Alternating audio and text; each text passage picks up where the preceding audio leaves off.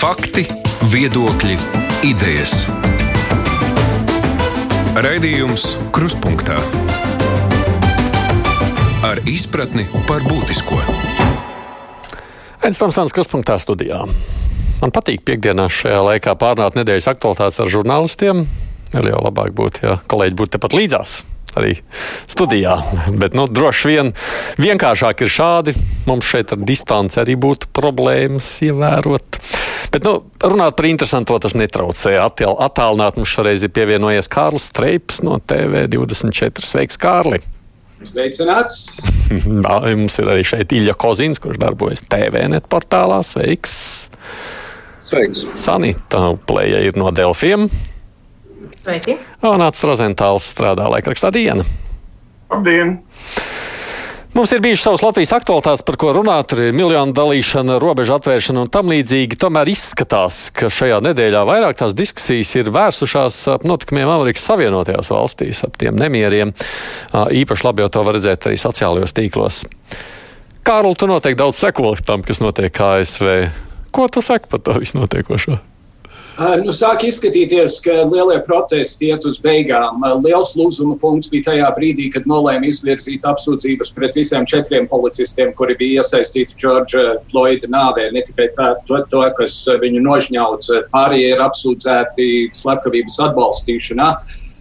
Lielais jautājums pat labi ir par to, ka Donalds Trumps vēlas izmantot armiju protestu apspiešanai. Uh, un izmantot 1807. gadā pieņemtu likumu par dumpiem, kas ļautu viņam tā darīt bez štatu gubernatoru atļaujas. Citādi Amerikas bruņoties spēki nav, nav tiesīgi iejaukties iekšzemes drošības lietās.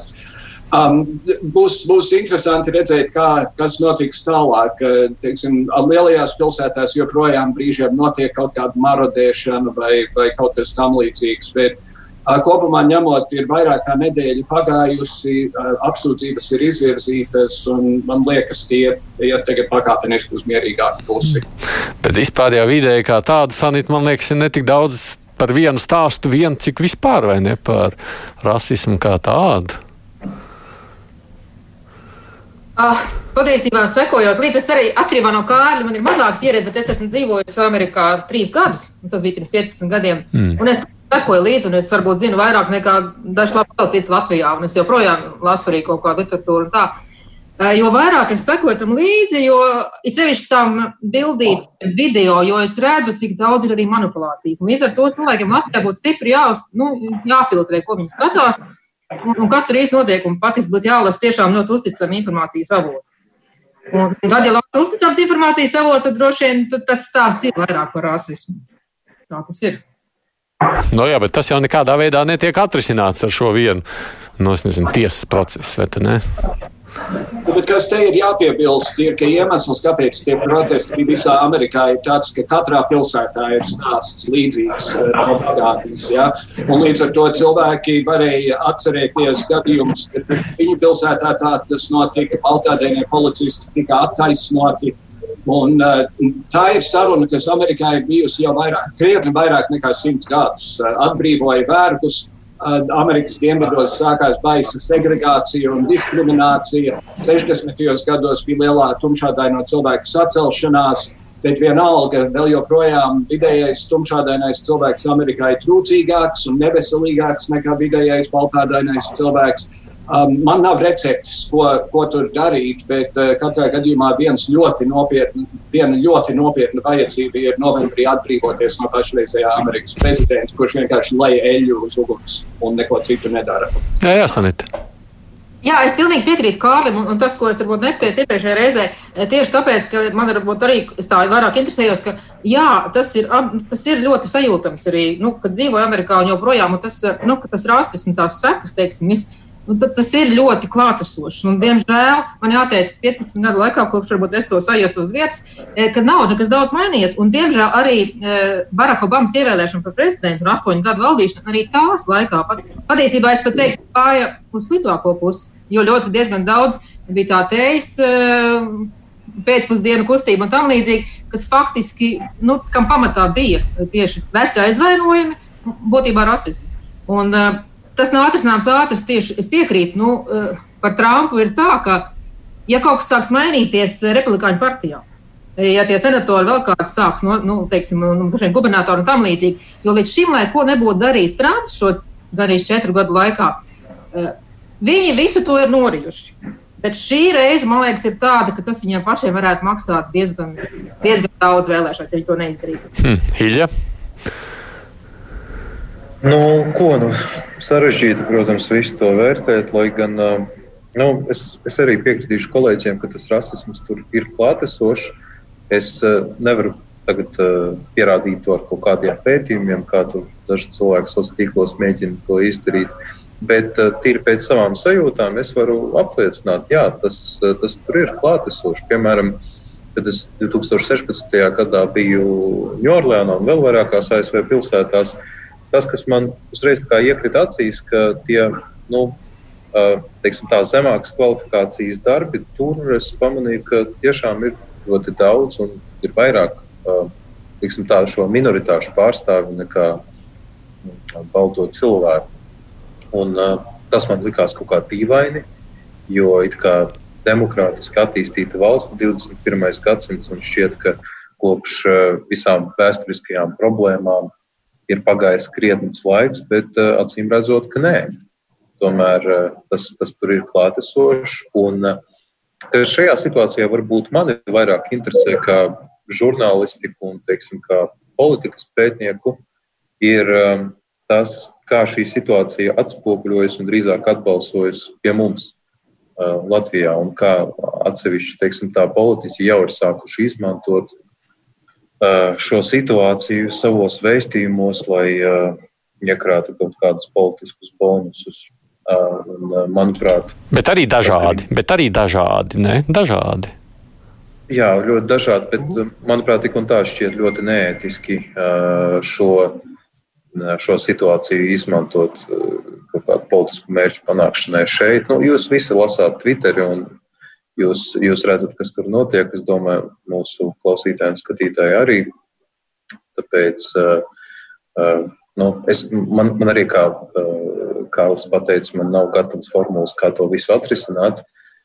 Bet, laikam, tas, ar ko ir jāsāk, ir plašs dialogs un uh, problēmas atzīšana. Jo līdz šim, manuprāt, Amerikas Savienotajās valstīs nav tā kā skaļi augstā līmenī pateikts, ka mums vēl aizvien ir šī problēma.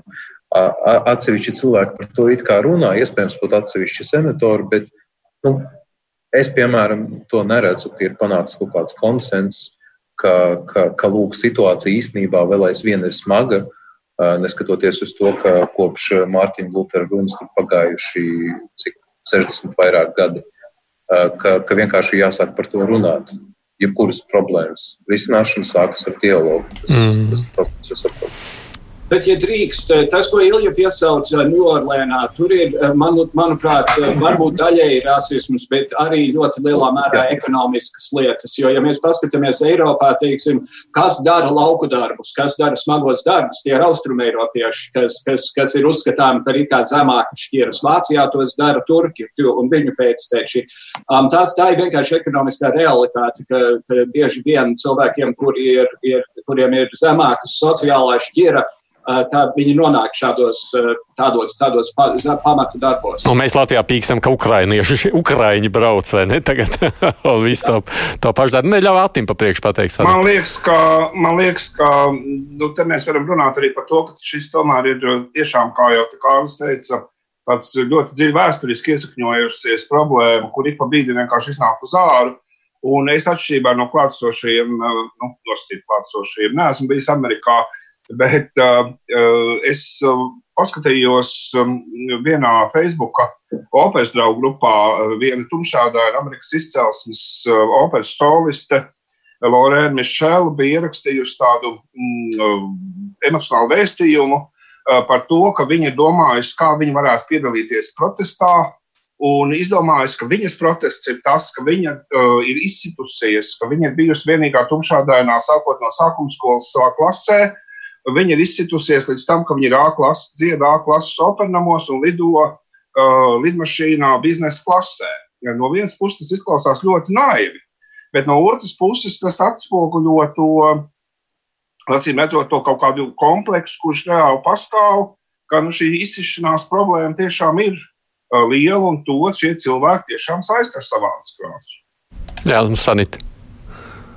Es gribēju piebilst, jā, nu, lai cilvēki saprotu, un tie, kas Latvijā, piemēram, Twitterī un citur dalās ar, tām, ar tiem tagiem, ka apmēram visas dzīvības ir svarīgas, visas dzīves, ne tikai melnās, ka Amerikas gadījumā tomēr tas sauklis Black Lives Matter, tātad mel, mel, melnātā no cilvēku dzīvības ir svarīgs tam ir ļoti nu, specifiska nozīme. Ja mēs paskatāmies arī tagad, kas ir starp tiem policistiem, četriem, tur divi no viņiem ir, nu, tā teikt, nav Baltija. Viņi ir az, az, aziāti vai, vai nu, latīņu izcelsmes. Ja?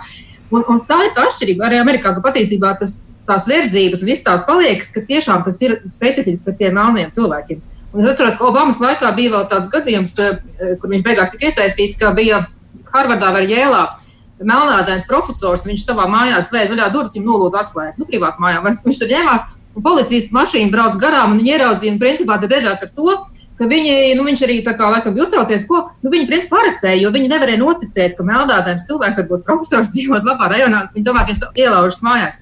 Un tas beidzās to, ka tas eh, Obama un Baidens sēdēja, atceros, tāda bilde bija Baltā nama tur dārzā, teiksim, ar to policistu un to, un to profesoru, tā kā, nu, izlīguma panāks un tam līdzīgi. Tas tikai parāda, to, ka tas tiešām ir pret šiem nu, ļoti. Nu, tie, nu, tas ir tieši pret melnādainiem, un tas mm. ir vērtības palieks. Un to vajag saprast, un tāpēc nevajag jaukt, ka nu, visi ir svarīgi pret visiem vērst. Droši vien arī pret Āzijas izcelsmes cilvēkiem, lat, latīņu, latīnos, spāņu izcelsmes, spāņu valodīgo. Bet uh, Amerikā pret melnādēm nu, tas ir kaut kas specifisks. Nu, labi, es neesmu dzīvojis Amerikā. Es esmu bijis dažas reizes un pārsvarā mitinājies tieši latviešu vidē. Un tā latviešu jau arī ir ļoti skeptiska. Lai, es nezinu, vai šis vārds pat ir īsti derīgs pret melnādainiem. Nu, tur ir Nu, bija jau pat tā, ja, kad es aiz, palūdzu aizvest mani uz vienu baznīcu, kas ir melnādaina. No, es vienkārši gribēju pastīties, kāds tur viņiem notiek, jo man likās, nu, kā televīzijā redzēts, kā tas ir.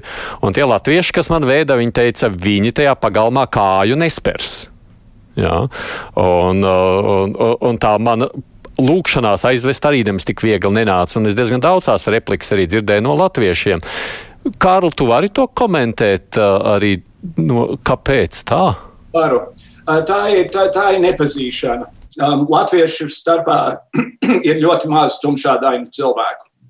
Um, ir, piemēram, Spīdola Šneidera, mm. kur uzauga latviešu ģimenē un ministrs latviešu ģimnāzijā mācījās. Viņa bija tautas dejotāja, viņai nācās uzklausīt ļoti nepieklājīgas replikas no, no latviešiem, tad, kad mēs devāmies turē par tumšādainu sievieti latviešu tautas starpā, ko viņi tur iedomājas.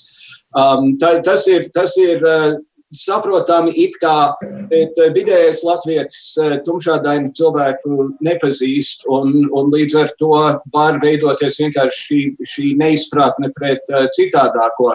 Um, bet Black Lives Matter kā lozungs iznīra 2014. gadā, kad bija ļoti līdzīgs stāsts Fergusonā, Missouri, kur baltādains policists nošāva neapbruņotu tumšādainu pusaudzi 12 lodes izšāva, un, un tad uh, mirstīgās atliekas 4 stundas gulēja ielas vidū, pirms viņas tika aizvestas uz, uz, uh, uz morgu. Tas ir necieņas jautājums. Bet mhm. pēdējais, ko es gribu pateikt, ir, ka um, trimdas laikā mans vectētis vienreiz savu meitu veda uz vienu no Latvijas filmām, kura bija aizvesta uz Čikāgu. Un kamēr meita skatījās filmu, vectētis sēdēja mašīnā un pīpēja, jo arī viņš tur kāju negribēja spērt. Uh, tas ir, tas ir konservatīvisms.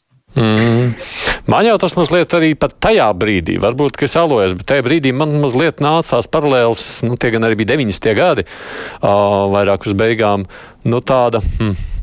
Latviešu krievu tā, tā, tā spriedze, kuras šeit piedzīvoju, īpaši tad, kad gāja viss tā interferences padarīšana un pārējais. Uh, Vai tās līdzības tur nevar paralēlas vilkt? Nu, tādās tīri emocionālās, kurās mēs redzam, man arī iepriekšējais brīvais mikrofons, nu, viņš atkal aizgāja tajā latviešu krievu tajā rakursā, un ka tur tā īsti tik viegli to tiltu nepārcelsi. Viegli nē, bet uh, savā ziņā, manuprāt, kaut kādas paralēlas ir. Mm, ja paskatās uz, uh, nu labi, es, es tiešām gribētu atturēties no kāda konkrēta cipara piesaukšanas, lai nesamilotos, bet uh, nu, labi, kaut vai tas, lūk, tas tiešām ir fakts, ka neformāli tiek uzskatīts, ka tā, kā, tā izplatīta valoda cietumnieku vidū, piemēram, ir krievu valoda, kopš padomju laikiem tā ir palicis. Uh, nu, tas liek uzdot jautājumus, nu, kāpēc?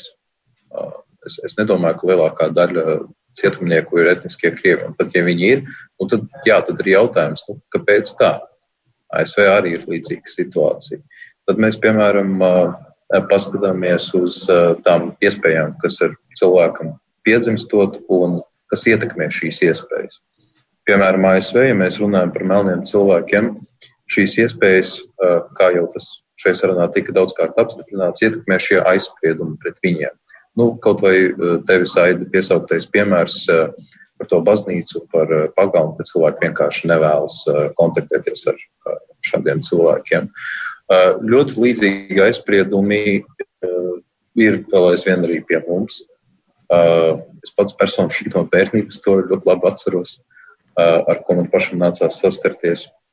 Tā kā šie aizspriedumi ir tas, kas varētu, kas varētu būt tā līdzība, bet šeit nenoliedzami ir arī virkne atšķirību. Nu, tomēr tās starpetniskās attiecības, kas ir pie mums, tas gluži nav tas pats, kas, kas ir rasisms Amerikas Savienotajās valstīs.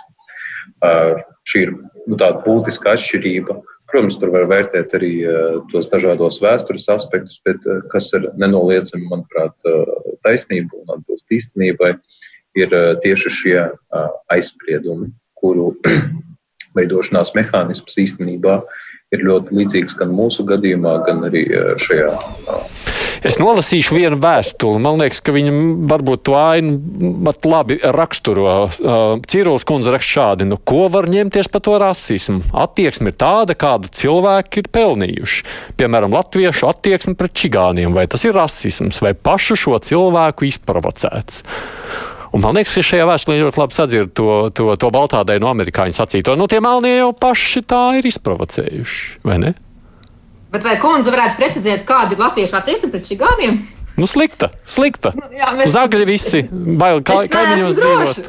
Es tā nedomāju par čigāniem. Nu, redz, tu tā nedomā, bet tas raksturo kaut kā. Tā ir tā būtiskā lieta pateikt, ka konkrēta grupa cilvēku ir tādi vai tādi un visi pēc kārtas līdz ar to ir tādi un tādi. Tas ir rasisms, tas ir neizbēgami rasisms. Attiecībā uz Romu tautības cilvēkiem ir tiesa, ka salīdzinoši reti Romas tautības cilvēki mūsu valstī ir kaut kur izcitušies un tikuši kaut kur, kaut kur augstāk, bet no tā neizriet, ka viņi visi ir neizglītoti vai kaut kādā veidā nepieņemami. Tas pats attiecas uz baltādainiem cilvēkiem un melnādainiem cilvēkiem Amerikā. Manuprāt, nav šīs divas lietas īpaši salīdzināmas, tāpēc ka latvieši un krievi visu laiku ir dzīvojuši viens otram pāri blakus un ir, ir čupojušies viens ar otru. Vidējais latvietis Amerikā visticamāk pat nepazīst nevienu tumšādainu cilvēku, kur nu vēl ar viņu veido kaut kādu draudzību vai kaut kādas ciešas attiecības. Bet gal galā es gribu pajautāt, tu gal galā nonāci tajā baznīcā un, un tā. Es nonācu, es nonācu, man bija interesanti, bet, protams, es biju vienīgais baltais starp simtiem melno. Es biju vienīgais, tur neviens baltais, baltais laikam dzīvē neieklīst. bet man bija interesanti. Bet viņi man pieņēma ļoti labi. Viņi man pieņēma, viņi pieņēma ļoti viņi man pieņēma ļoti labi. Jā, jā, jā. Es, es jutos tur labi. Sadīt, vēl gribēju Es domāju, ka šī gadījumā nav jau nekur tālu jāmeklē. Viss tas, kas notika ar, ar visām bēgļu epopējām un to, cik ļoti tomēr sabiedrība nostājās, nu, tur jau nenonāca līdz kaut kādām baznīcām. Tur vienkārši nebija gatava vispār nekādā veidā šo cilvēku atbalstīt, arī zināmā mērā varbūt pamatots šīs bažas, bet pašā laikā neviens jau nebija, kā teikt, pārliecinājies, kas tie par cilvēkiem ir, bet tā attieksme jau momentā, defaultā bija, nu, ka, nu, ka nē, ka mums nevajag, lai iebrauc prom. Kā tas pats jau vien ir, tikai vienkārši šī situācija tika novērsta saknē ar to, ka šie cilvēki šeit neiesakojās. Bet, nu, tas, ka Atsevišķos gadījumos vaina tiešām ir paša. Tas ir šis nesenais gadījums ar šo nelaimīgo volta kurjeru, ja, kur, kur izcēlās atkal tāda liela um, teiksim, tāda diskusija par to, bez mazliet līdz pat aicinājumiem uh, voltu uh, kurjeru šo dienestu ignorēt un, un uh, nepasūtināt pie viņiem, jo pie viņiem strādā cilvēki, kas uh, ne, nemāca valsts valodu un uzvedas nepieklājīgi. Nu, tas, ir, tas ir arī šo cilvēku lielā mērā attieksmes un, un, un integrācijas vēlmes jautājums, uh, kā, kā, viņi, kā viņi sevi šeit identificē. Bet neko nesaka par pārējiem voltu braucējiem. Un, nē, nē, nu, es sapratu, jūs tas vienkārši. Kā tas vienkārši bija šis konkrētais gadījums, izraisīja pilnīgi ne, neadekvāts kaut kādas uh, uh, reakcijas, bet tajā pašā laikā tas bija atkal teiksim, viens no ieganstiem, kāpēc šo diskusiju iz, izcelt. Bet, uh, bet uh, tas neietekmēja. Es domāju, ka es aizvakar redzēju tik ļoti daudz voltu kurjeru, uh, tā skaitā diezgan tādu kafijas ādas krāsas kurjeru Rīgas centrā, ka tas, šis, šie aicinājumi ignorēt voltu nav nekādā veidā. Mm -hmm. Labi, šo tematu beidzam. Tik tālu esam pārnājuši. Ir vēl kaut kas, ko vajadzētu pierunāt, noteikti pieminēt šīs nedēļas aktualitātēs. Es tikai atgādinu, šeit mums ir Ats Razentāls no Dienas, Stanīt Uplē no Delfiem, Ilja Kozins no TVNet un Kārlis Streips no TV24. Raidījums Krustpunktā. Kamēr esam sociālajos tīklos, es gribu pieminēt vēl vienu stāstu, kas ir aizsījis emocijas šajā nedēļā. Tas ir viens medicīnas darbiniecis, ne Latvijā, bet Latvijas publicētais savā ziņu lentē. Tāds dramatisks stāsts par puisīti, kurš nomiris, jo vecāki viņu nebija potējuši par difteriju. Un tas uh, rakstītājs izraisīja ļoti pretēju reakciju, sākot no līdzjūtības un beidzot ar draudiem pašai mediķei, ka tā grib izmantot jūtas lūk, lai visiem uzspiestu obligātu vakcināciju. Kāpēc jūs prāt vispār šī ieraksta par vakcīnām raisa nu, tādu reakciju, Sanita? Man grūti pateikt, bet es zinu, ka es pat arī pamanīju savā Facebook ventē šo te ierakstu. Nu, es patiesībā no sākuma sapratu, eh, ka tas ir Latvijā. Un es tā kā padevu tālāk kolēģiem, Delfosam, nu, varbūt kāds to uzrakstīt. Un tas, man liekas, nebija īsti korekti, ka viņi rakstījuši, nu, ka tas nebija saprotams, kur tas ir. Tas ir viens, bet, bet tas neataisno to, ka, ka tur bija jāsāk klupt virsū.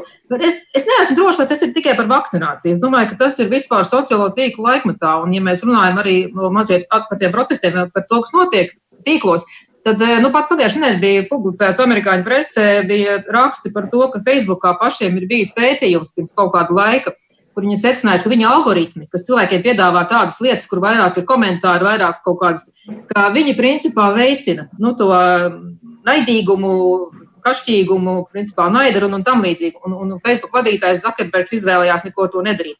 Ar to es gribu pateikt, ka tas, ko mēs varbūt redzam, tas, tas mums tiek izmests priekšā tajā, jo tas iemesls ir viens. Cilvēki diskutē, cilvēki lasa, cilvēki pavada daudz laiku, un, un viņi, viņu laiks tiek pārdots reklāmdevējiem. Un tas varbūt tās arī kaut kā viņus, un, protams, tas viņus uzkurina. Un tādā ziņā tas ir, man liekas, tas efekts nav tikai par vakcīnām. Man liekas, tas efekts ir arī, arī tā skaitā par šo rasismu. Nu, labi, ir vēja efekts droši vien ir par dažādām lietām. Atceramies, ka bija bēgļu krīze, kā tas toreiz arī ļoti pārņēma visu Facebook. Bet tas mans jautājums ir tomēr, kāpēc tieši šāds te, nu, nu kaut vai pieņemsim viens emocionāls stāsts, nu izraisa tik Nu, ļoti. Nu, es, es, es, jā, es, es, es tomēr to gribētu saistīt laikam gan ar uh, līdzīgiem šāda veida uh, stāstiem, kur, uh, kur tomēr runa ir par dezinformāciju.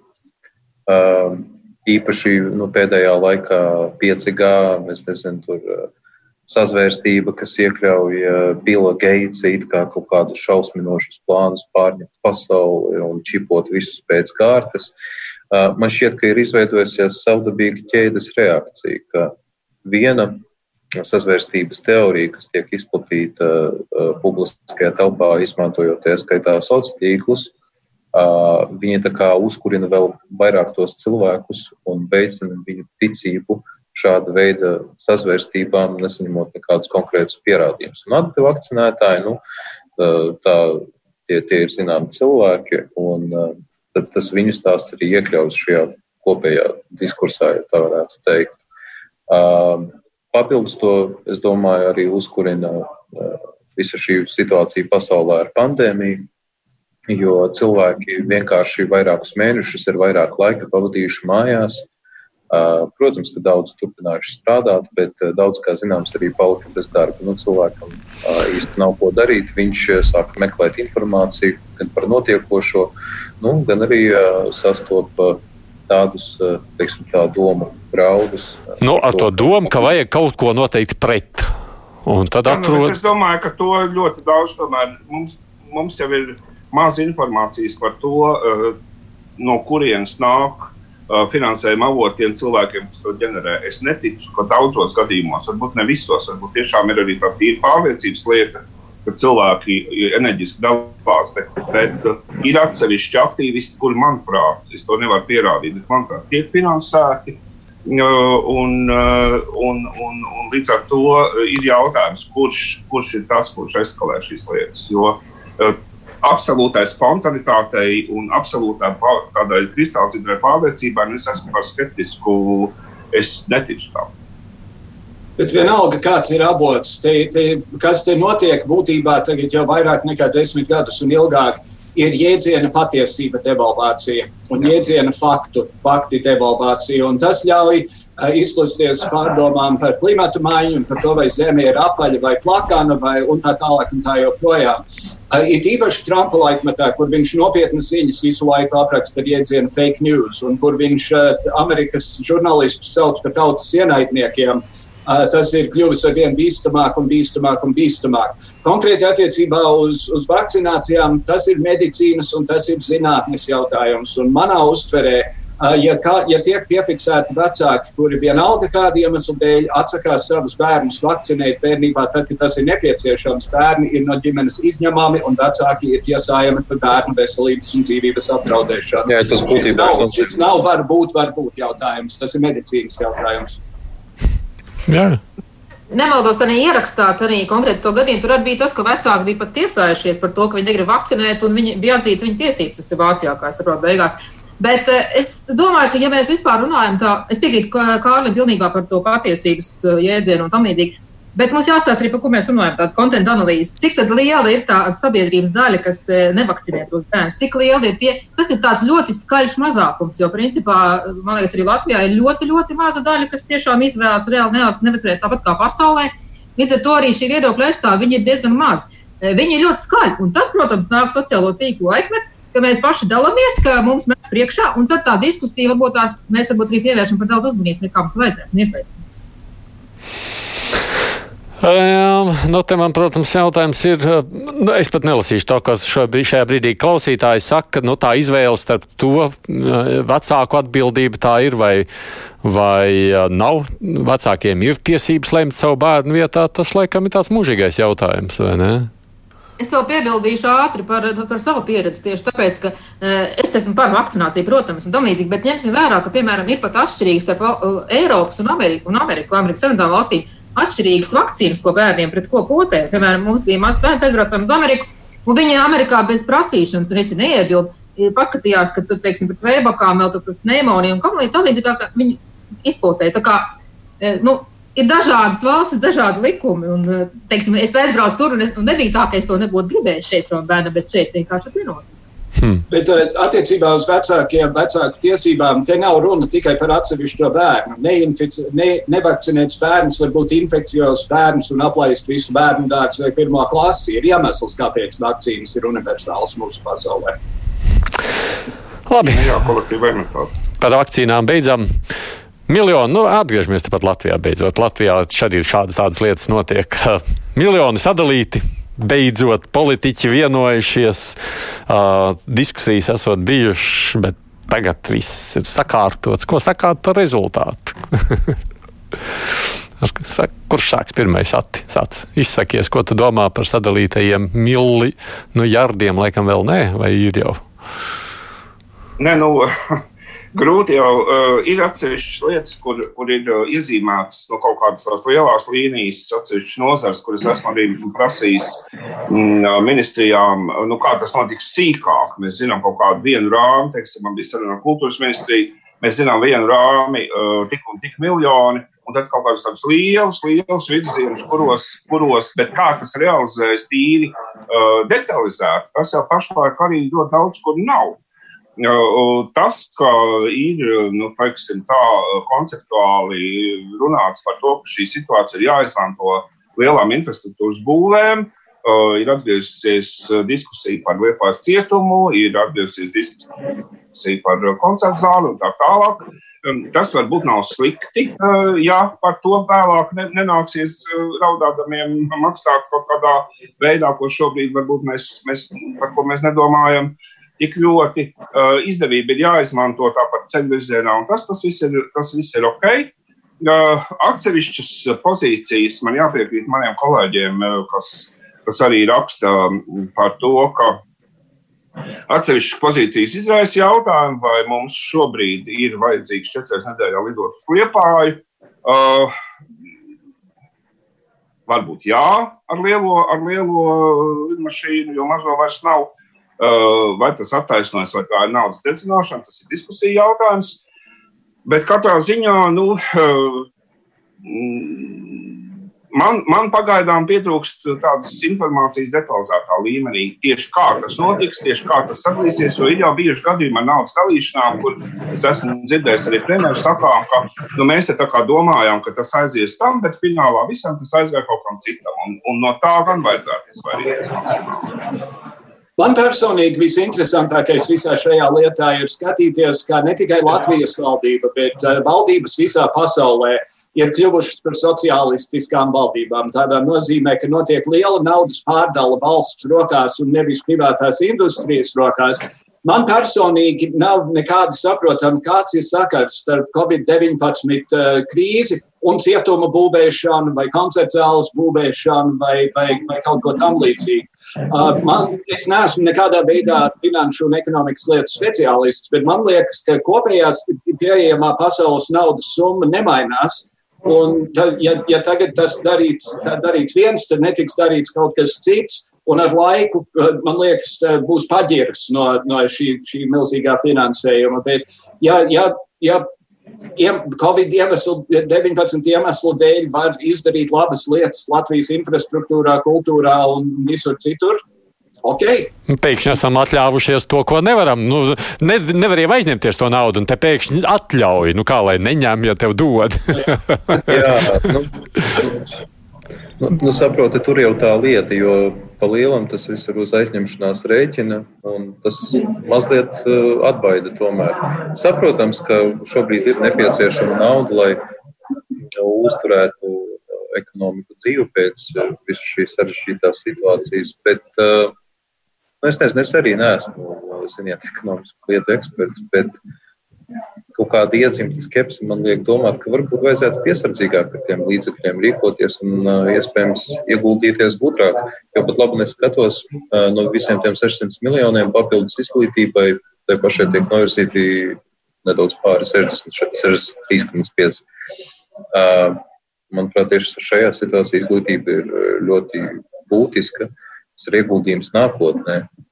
Uh, nu, tādā veidā vienkārši var uh, radīt uh, kādas specialitātes Latvijā, kas uh, mums to naudu pelnīs nākotnē. Būtu šis ir īstais laiks, hmm. lai uh, beidzot veiktu šeit kaut kādas labas investīcijas. Nu, mm -hmm. Sanita. Es, es nepārmestu valdībai, ne Latvijas, ne citām par to, ka viņas veic šo saucamo e, ekspansīvo fiskālo politiku. Tāpēc, ka tas šoks, ko mēs redzējām pasaulē, nu, viņš arī cilvēkiem ir ļoti radījis ļoti lielu saka, psihoemocionālu kaitējumu, nu, ka viss apstājas, viss ir tukšs. Līdz ar to kaut kā ir jārīkojas. Un, un šo ekspansīvo fiskālo politiku atbalsta arī Latvijā pat saskaņa Večels Dombrovskis un pareizi saka, jautā, tas nozīmē, ka var tērēt vairāk un aizņemties un tam līdzīgi. Jautājums, kur, e, kur to tērē.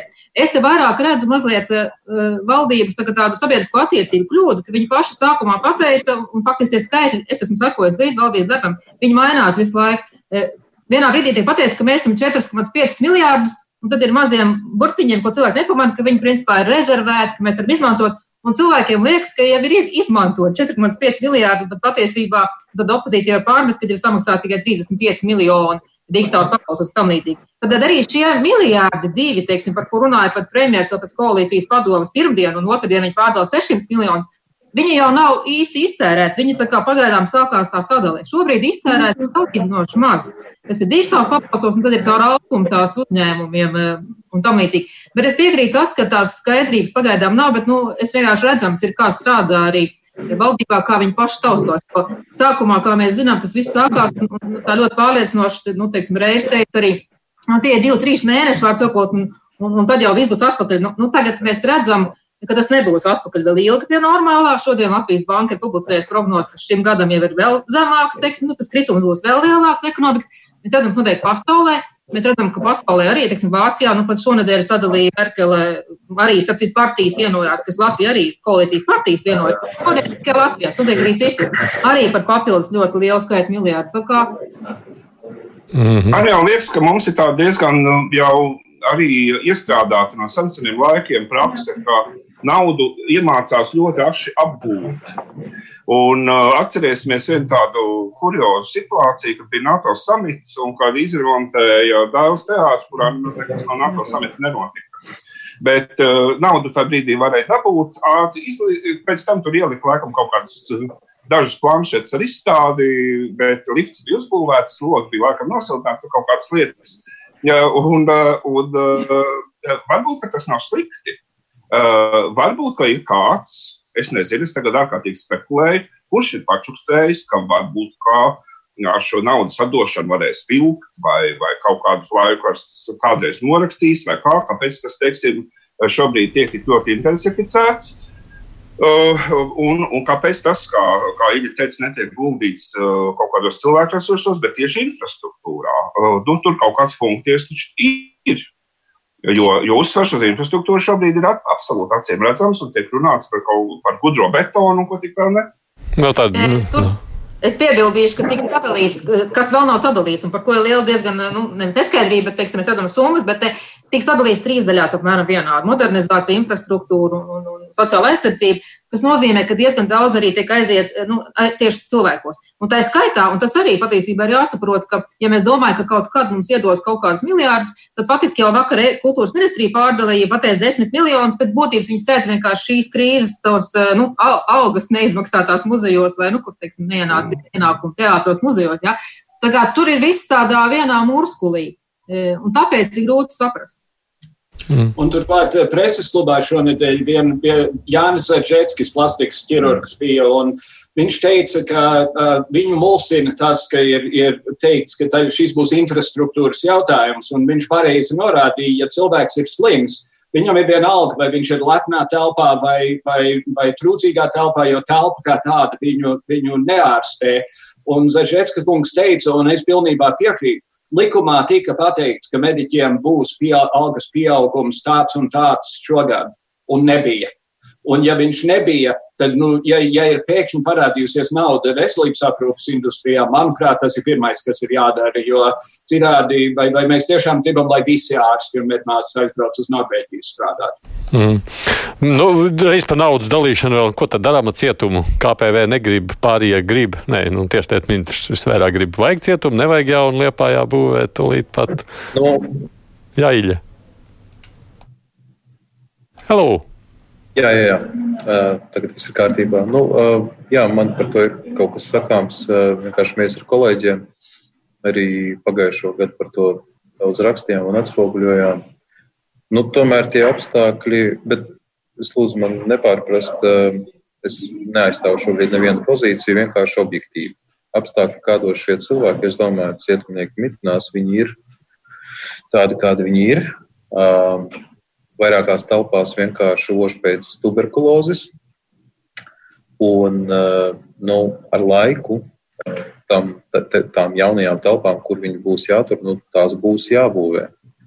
Jo vienkārši eh, nu, es, es varu saprast teiksim, tā sabiedrības noskaņojumu par šo jautājumu, bet uh, ir tomēr kaut kādas kaut kāda noteikuma, teiksim, tās pašas cilvēku tiesības, kas Latvijai tik un tā ir jāievēro.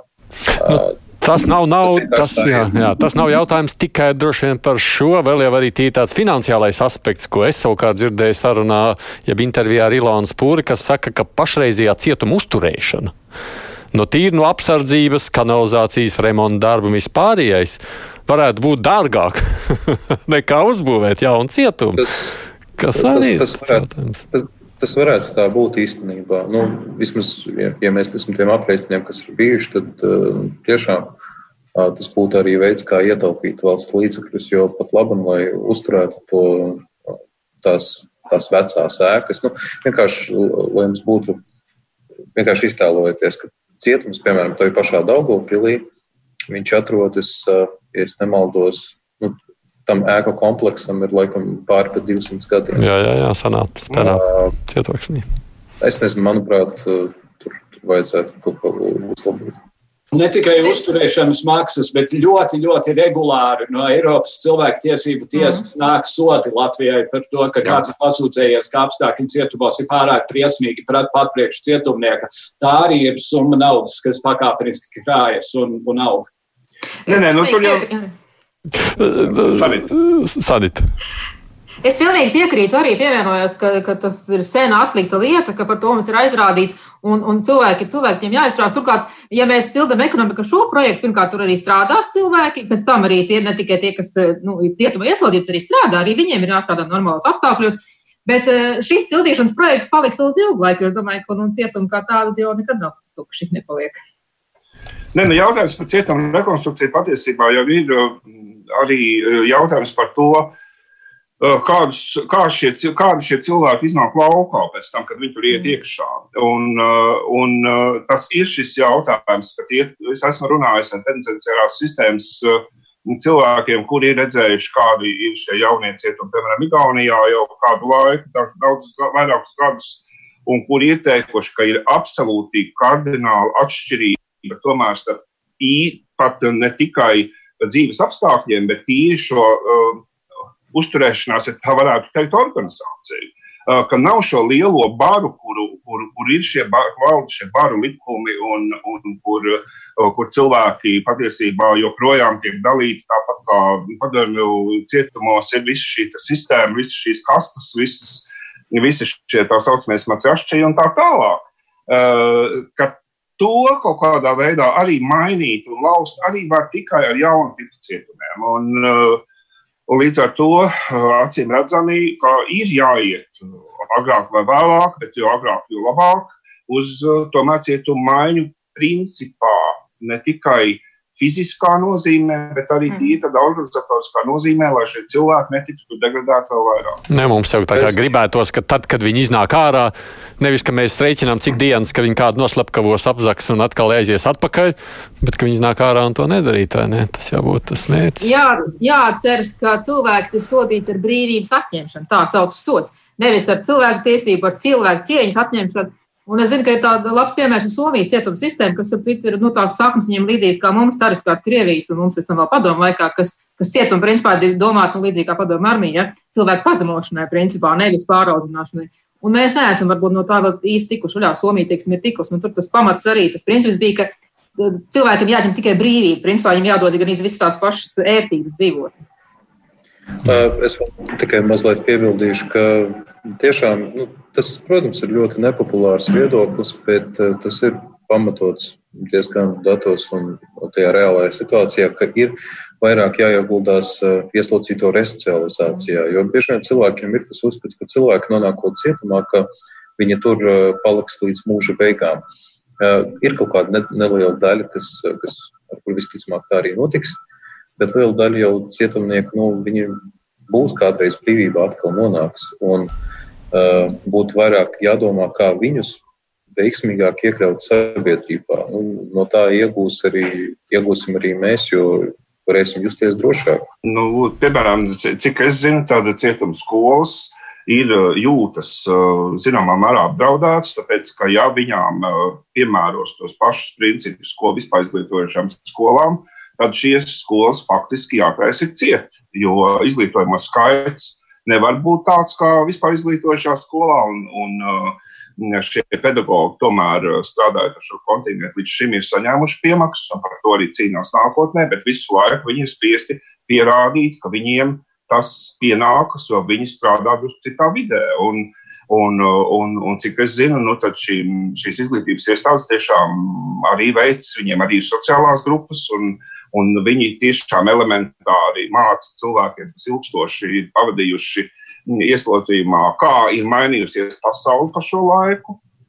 Jā, es atceros, ka savā laikā bija cilvēki, kuriem pat mācīja, teiksim, tie teorētiski, bet, nu, ka jūs iziesiet ārā, ka jums būs bankas karti jā, jāmaksā un tā tālāk ka nu, tam ir milzīga nozīme un, un tam uz to nevar taupīt. Tas ir, tas ir jādara, jo, jo savādāk mēs šos cilvēkus nostādām situācijā, ka viņi iet pie pirmā paziņas, un šis pirmais paziņa ir, ir atkal tas, kas viņus aizvelk atpakaļ tajā iepriekšējā dzīvē. Mums ir droši vien pašiem žurnālistiem mazāk esam runājuši par šo tēmu, ir vērts vairāk varbūt pievērsties. Uh, robežas varam vaļā. Kā mēs zinām, šajā nedēļā uzzinājām, ka nu vairs nevajadzēs karantīnu ievērot, ceļojot kaut kur te vismaz Eiropas pusē šobrīd. Grasāties, doties kaut kur Kārlis grasās. Jā, Jā Kārlis grasās 25. jūnijā lidot vispirms uz Varšavu un tālāk uz Čikāgu. Kārlis ir ļoti priecīgs par to, ka Lot Airlines, ar kuru es šoreiz lidoju, viņiem nebūs lidojumi tikai līdz 19. datumam. Un es zinu, ka 25. būs, jo es iegāju viņu mājaslapā un mēģināju uztaisīt rezervāciju uz 25. lai gan man biļeti jau, jau ir. Un viņa ļāva man tā darīt, kas nozīmē, ka tajā dienā tas reizes būs un es braukšu uz Čikāgu. Čikāgu.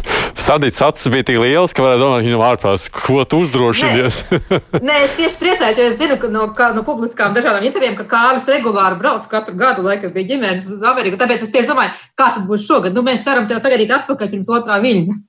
es, es arī ļoti ceru, tas man ir lielais jautājums, kas mani gaida otrā galā.